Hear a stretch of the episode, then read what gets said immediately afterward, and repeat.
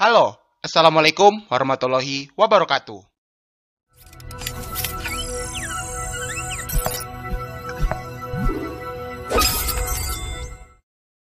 Oke, kembali lagi di Dulkes.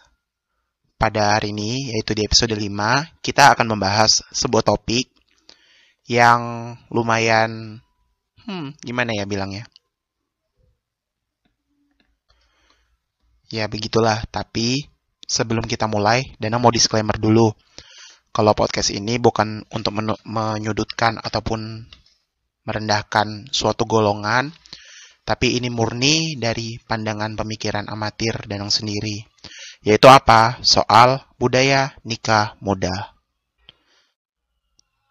Budaya nikah muda ini, apalagi kalau misalkan kalian yang tinggal di wilayah pedesaan ataupun perkampungan, itu udah setiap hari akan denger istilahnya itu bahasanya itu udah sehari-hari gitu dilakukan dan nggak dilakukan sih tapi lebih sering lihat gitu di mana pernikahan muda itu nggak jarang dianggap gitu sebagai sebuah gaya hidup yang keren. Sebab keputusan ini tuh diambil sebagai langkah untuk menjalin hubungan suci yang lebih baik daripada melakukan perzinahan. Sehingga nikah muda itu menjadi kian populer apalagi di wilayah pedesaan dan perkampungan. Tapi ada juga sebuah momen di mana fenomena nikah muda itu menjadi populer ketika ada public figure ataupun influencer yang melakukannya. Seperti contohnya kita lihat ya uh, beberapa bulan yang lalu di 2020 yaitu kalau nggak salah pernikahannya Rain Bayang yaitu itu kemarin emang bener-bener rame di story WhatsApp, habis itu di Instagram, pokoknya hampir di semua sosmed itu lumayan rame bahasnya itu Bayang semua karena uh, soal itulah um, trade pernikahan dia dan soal konsep memantaskan diri. Sehingga akibat dari public figure ataupun influencer yang melakukan budaya nikah muda ini, tren pernikahan dini sampai saat ini menjadi pro dan kontra. Kenapa sih emang jadi pro dan kontra? Ya tentu saja karena bukan cuma budaya nikah muda ya, hampir semua pemikiran ataupun suatu hal yang dicanangkan ataupun dikampanyekan, di campaign di society itu pasti ada pihak pro dan kontra, ada yang mendukung, ada yang menolak gitu. Di mana ada orang tua yang menginginkan anaknya lulus sekolah, dewasa, atau mapan terlebih dahulu. Kemudian, nikah muda juga mengakibatkan gagalnya studi ataupun gagalnya belajar gitu. Kenapa? Karena kalau udah menikah otomatis bakalan fokus lebih ke rumah tangga gitu, bukan lebih ke akademik gitu. Tapi ada juga kok yang istilahnya dia udah nikah tapi masih kuliah juga gitu. Tapi ya entah itu fokusnya ke rumah tangga ataupun fokusnya ke kuliah, itu balik lagi ke mindset orang tersebut. Balik lagi ke pemikiran dia masing-masing gitu. Nah, akibat gagalnya studi tadi, uh, otomatis kan pendidikannya jadi rendah, otomatis akan susah mencari kerja. Kenapa? Karena yang kita tahu lapangan kerja minimal kudu tamat SMA ataupun diploma ataupun sarjana gitu. Jadi sehingga mengakibatkan rumah tangga itu goyang gitu karena pernikahan itu itu bukanlah sebuah permainan gitu.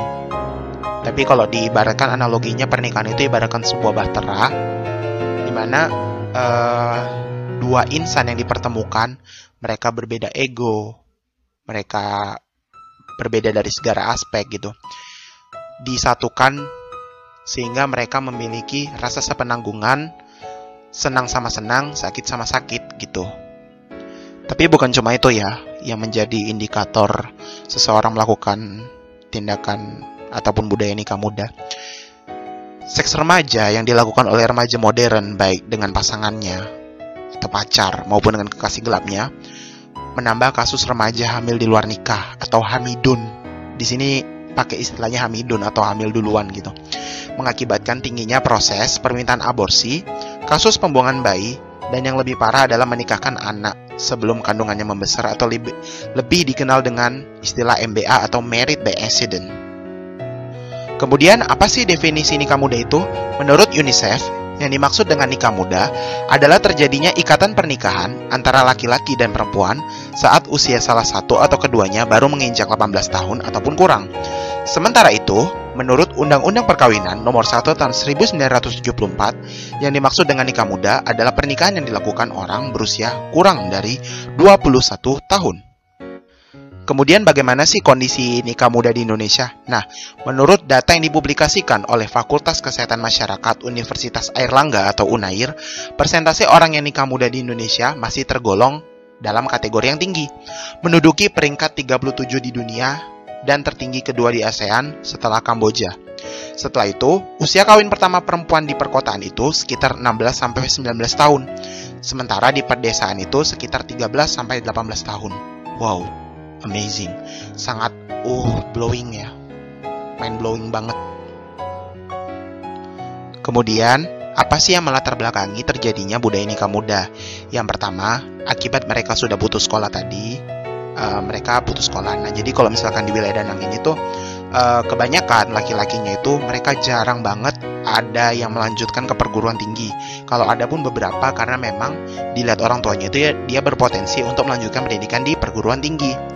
Kenapa? Karena itu tadi mereka ada yang SMP di tingkat kedua mereka lepas kelas 8 gitu. Kemudian di SMA kelas 11 mereka juga lepas. Padahal sebenarnya kalau dirampungkan saja bisa dapat ijazah kan bisa lebih mudah mendapatkan pekerjaan gitu. Nah, jadi e, dalam perspektif beberapa orang tua, hal ini menjadi alasan mereka untuk menikahkan anak mereka daripada menambah beban hidup keluarga. Nah, ini menurut Danang merupakan sebuah asumsi yang keliru. Kenapa? Ketika seseorang menikah gitu otomatis bukan mengurangi beban tapi menambah beban. Karena selain menyatukan dua ego dua keinginan yang bertolak belakang istilahnya dua orang itu kan berbeda gitu. Kemudian disatukan dalam sebuah ikatan sakral yang disebut dengan pernikahan di mana ikatan itu tuh langsung terhubung gitu sama Tuhan gitu. Nah jadi tentu saja banyak yang harus dipikiri gitu bagaimana nanti uh, soal rumah tangga habis itu bagaimana cara saling uh, saling mengerti bagaimana hukumnya hukum gini-gini sama suami gitu-gitu sama istri gitu uh, apa yang boleh dilakukan ada yang boleh dilakukan dosen dons gitu misalkan Kemudian, kedua, ada anggapan negatif bahwa perempuan yang belum menikah setelah usia 17 tahun itu dianggap sebagai perempuan tua. Nah, ini anggapan yang sering berlaku ya di Jawa, tapi di sini juga ada sih. Jadi sehingga hal ini menjadi indikator yang paling rawan uh, menjadi indikator yang paling rawan untuk mendorong budaya nikah muda di wilayah perkampungan gitu. Padahal sebenarnya hey what happened with 17 gitu Kayaknya itu usia memang usia keramat lah buat anak perempuan Tapi bukan tandanya kalau 17 belum nikah dikata perempuan tua lah Apa kabar saya yang sudah mau 20 tapi bahkan belum sadar doinya tapi nggak apa-apa lebih baik uh, nunggu sembari berusaha deh gitu sembari memantaskan diri gitu iya kemudian ada juga asumsi orang tua yang mengasumsikan bahwa Ketika melakukan kegiatan pernikahan dini dengan orang yang lebih mapan, diharapkan dapat meningkatkan derajat dan ekonomi orang tua maupun keluarga. Nah, ini juga menurut Danang merupakan asumsi atau pandangan yang keliru. Kenapa? Ketika misalkan seseorang gitu, si perempuannya ini dari keluarga yang biasa-biasa aja, nikah sama si laki-laki yang dari keluarga konglomerat, istilahnya mereka berlandaskannya saling cinta lah gitu. Tapi kita kan nggak tahu gitu, karena perilaku seseorang ketika masih pacaran dan ketika udah menikah itu berbeda gitu. Karena dari yang Danang perhatiin itu memang berbeda gitu. Nah jadi itu tadi ketika misalkan si perempuan tinggal di keluarga besan ataupun di keluarga mempelai laki-laki, mempelai ya, tinggal di keluarga laki-laki dan mungkin ada suatu tragedi kesalahan, entah itu mencahin gelas, entah itu uh, buat kesalahan gitu. Nanti pasti itu bakal jadi bahan olok-olok mertuanya nanti kayak misalkan, "I dasar gadis kampung miskin taunya ngerusak aja lu." I dasar anak kampung nggak tahu apa beginian, nggak tahu style apa, nggak tahu tren. Jadi yang dibawa apa juga latar belakangnya gitu. Jadi otomatis nanti imbasnya apa? Ya imbasnya pasti bakalan kena ke mentalnya si perempuan tadi yang berasal dari keluarga yang biasa aja gitu tadi. Tapi ya mungkin entah ada nangnya yang terlalu kebanyakan nonton sinetron ya, tapi bisa aja hal itu terjadi gitu karena eh, nggak uh, sering gitu. Maksudnya nggak nggak sekali dua kali gitu sering kejadian kalau misalkan ada suatu titik di mana kalau misalkan membuat kesalahan itu semua diungkit-ungkit, semua merembet ke mana-mana gitu. Kemudian selanjutnya karena juga memang udah ketahuan Hamidun ataupun juga udah ketahuan berzina ya, sehingga mau tidak mau uh, walaupun sudah melakukan hal demikian, sehingga alangkah lebih baiknya jika dinikahkan di dalam waktu dekat untuk hubungannya itu bisa sah di mata Tuhan gitu. Kemudian emang dampaknya apa saja sih dari nikah muda itu? Nah, yang pertama itu ada dampak yaitu sering terjadinya rawan stres. Ketika nikah muda, seseorang itu mindsetnya belum terlalu matang. Karena apa? Usia kisaran belasan itu merupakan usia labil, usia gejolak remaja. Sehingga mereka cenderung itu frontal, brutal, merasa pengen bebas gitu sehingga apa-apa itu kalau misalnya pengen disampaikan ya udah ceplas-ceplos. Eh, nggak uh, mikir gitu konsekuensi ke depannya gitu. Kemudian juga rentan stres. Karena akibat usia masih labil tadi usia belasan yang masih labil mindsetnya belum tetap masih suka pelin-pelan mincela-minceli jadinya itu tadi rentan stres sehingga lebih cenderung mudah kena gangguan tantrum atau gangguan kemarahan. Kemudian putus sekolah. Akibat dari nikah muda, otomatis kan nggak mungkin melanjutkan pendidikan. Kalaupun melanjut pendidikan, ya itu kalau misalkan udah kuliah lah gitu. Tapi kalau misalkan sekolah, ma, uh, lagi sekolah, kemudian ditanya guru, kamu udah nikah gitu, itu kayaknya uh, agak gimana gitu buat ngejawabnya ya kan. Kemudian gangguan kehamilan, di mana uh, bisa saja hal ini terjadi karena kandungan ataupun uh, kandungan uh, sang ibu dan juga anatomi badannya itu yang memang belum matang atau belum mumpuni karena usianya belum dewasa. Karena kan di umur belasan ini kan masa transisi gitu. Jadi uh, proses pertumbuhan dari anak-anak menuju ke dewasa gitu. Jadi banyak perubahan yang terjadi. Nah bisa saja uh, banyak dampak yang terjadi gitu. Tapi ya semoga aja hal ini bisa diminimalisir gitu ke depannya. Kemudian Ibu Julian, yaitu Wakil Rektor 1 Bidang Akademik Universitas Atmajaya Jakarta, menyampaikan bahwa pada usia menjelang 20 itu bisa dikatakan usia menuju kedewasaan. Seseorang di mana masih dalam fase pencarian identitas dirinya. Saya ini siapa sih? Saya mau ngapain? Saya mau ke mana gitu? Di satu sisi ingin dipandang sebagai orang dewasa, ingin lepas dari orang tuanya, tapi belum mampu mempertanggungjawabkan apa yang tepat untuk dirinya. Mengurus diri sendiri saja belum mampu, mengatasi gejolak tantrumnya saja masih belum mampu, apalagi jika pernikahan itu diadakan gitu. Jika pernikahan tersebut diberlangsungkan terjadi pada dirinya gitu sehingga mungkin kita tidak tahu chaos apa yang akan terjadi padanya ke depannya gitu. Kemudian bagaimana konsep nikah muda dalam Islam? Jadi di sini Danang uh, memang nggak terlalu paham banget ya karena entah kenapa Danang tuh belum nyampe pemikirannya ke sana karena Danang masih berpikir buat kayak ngebahagiin orang tua dulu, uh, lebih meniti di akademik dulu gitu. Jadi Danang kemarin itu beli buku dari Ustadz Felix Yao namanya buku Udah Putusin Aja di mana buku ini tuh memang bener-bener obat buat kalian yang selalu ngerasa insecure karena kalian tuh dikata jomblo. Maksudnya kenapa? Jadi ketika kalian merasa insecure karena kalian jomblo tapi setelah membaca buku ini kalian bakalan aku jamin gitu, bakalan yang jamin bakal ngerasa punya kebanggaan tersendiri karena apa? Karena kalian jomblo gitu maksudnya kayak ya single lah bukan jomblo kayaknya kok jomblo ini bahasanya ngenes sekali ya kan gitu nah di halaman 176 buku ini yaitu di bagian bab mari memantaskan diri di sini Ustadz Felix Yao benar-benar nyampaikan gimana kalau memang konsep nikah itu memang bukanlah suatu hal yang main-main gitu.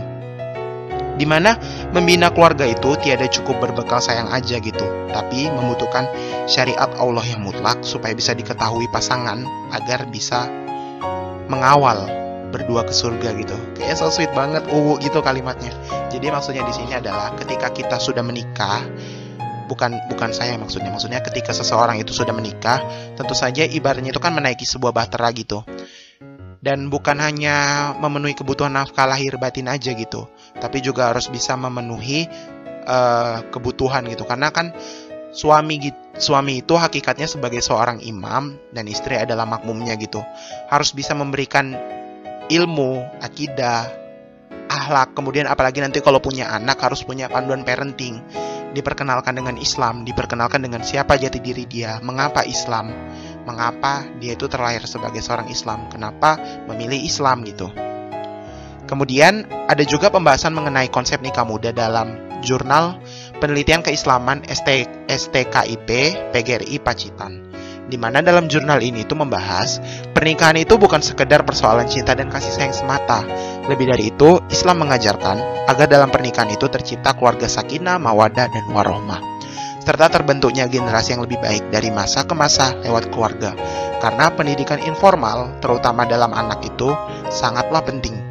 Usia 0 5 tahun itu merupakan usia pembentukan karakter bagi anak. Sehingga ketika kita mengetahui semua ilmu, baik itu akidah, akhlak, parenting, pokoknya semua ilmu Islam, kemudian kita turunkan kepada anak dengan persiapan yang sudah matang. Ketika kita sudah mempersiapkan semuanya dengan matang, kemudian kita menikah gitu otomatis uh, kesanggupannya itu terbayarkan gitu, terrealisasi gitu ketika kita membimbing seorang anak, membimbing seorang istri gitu untuk para kaum Adam ini ya gitu. Oleh karena itu dibutuhkan uh, keilmuan yang siap, modal materi yang siap, tentunya niat yang lurus untuk membina keluarga yang sah dan baik sampai jannah kemudian bisa diridhoi oleh Allah Subhanahu wa taala gitu. Terus gimana sih kalau misalkan nikah muda itu? Padahal sebenarnya kan kalau di society itu kan itu merupakan hal yang tabu gitu. Nah, sejarah itu pernah mencatat bahwa Aisyah itu dinikahi baginda Rasulullah Shallallahu Alaihi Wasallam itu dalam usia yang sangat muda. Begitu begitupun pula pernikahan ini itu merupakan hal yang lumrah, hal yang lumrah di kalangan sahabat. Tapi ini nggak bisa jadi acuan untuk nikah muda gitu. Itu balik lagi ke perspektif masing-masing. Kenapa? Karena pernikahan muda itu pada hakikatnya itu bersifat individual relatif. Islam itu bukan agama yang memberatkan, Islam itu agama yang memudahkan. Pokoknya dengan Islam itu semuanya mudah gitu. Jadi standar tolak ukur boleh nggak sih nikah muda itu itu balik ke individu masing-masing gitu. Boleh nggak saya nikah muda, tapi dulu aja Nabi nikah muda gitu. Nah, itu ditinjau lagi gitu, jangan langsung telan mentah-mentah informasi pastiin gitu kalau misalkan memang mau nikah muda itu harus siap gitu dari kecukupan umur, materi, modal ilmu, kemudian juga bagaimana kesiapan gitu untuk meminang dan membina bahtera rumah tangga bersama sang istri dan anak kelak gitu. Nah, jika dengan menikah muda adalah alternatif yang terbaik untuk melepaskan diri dari lumpur kemaksiatan, maka yo monggo sah-sah ngono. Jadi kalau misalkan dia mau nikah muda tapi dia pengen lepas istilahnya dari ikatan perzinahan gitu entah pacaran ataupun dan yang lain sebagainya. Ya alangkah baiknya kalau dia menikah tapi dengan catatan dia itu harus sudah siap. Dia harus sudah siap dia harus sudah cukup secara materi dan moral. Baik itu dari ilmu akidah eh, ketersediaan material gitu dan yang lain sebagainya. Karena pernikahan itu ibaratkan sebuah pembinaan gitu membina sebuah rumah tangga gitu dalam sebuah bahtera. Namun sebaik, sebaliknya gitu, kalau menunda pernikahan sampai pada usia yang matang itu mengandung nilai yang positif, misalnya kalian kayak ingin lebih memantaskan diri gitu kan, jadi kalian nunda dulu pernikahannya, kalian bisa itu saum ataupun juga ya menunda dulu lah pokoknya. Dan itu menurut kalian lebih baik, maka ya itu lebih baik dilakukan aja gitu. Karena balik ke awal tadi, Islam itu bukan agama yang memberatkan, Islam itu agama yang memudahkan. Pokoknya acuannya balik lagi lah ke buku udah putusin aja di bagian subbab mari memantaskan diri gitu. Oke mungkin itu aja podcast untuk hari ini. Semoga kalian selalu diberikan kesehatan gitu kan. Uh, semoga kelak listener Dulkes ini ketika ingin menikah, semoga insya Allah sudah siap dari segala aspek dan bisa membina rumah tangga yang sakinah mawadah warohmah nanti ke depannya. Amin ya robbal alamin. Aku Danang Aryo Kusumo, pamit undur diri. Sampai jumpa di episode podcast selanjutnya. Terima kasih. Assalamualaikum warahmatullahi wabarakatuh.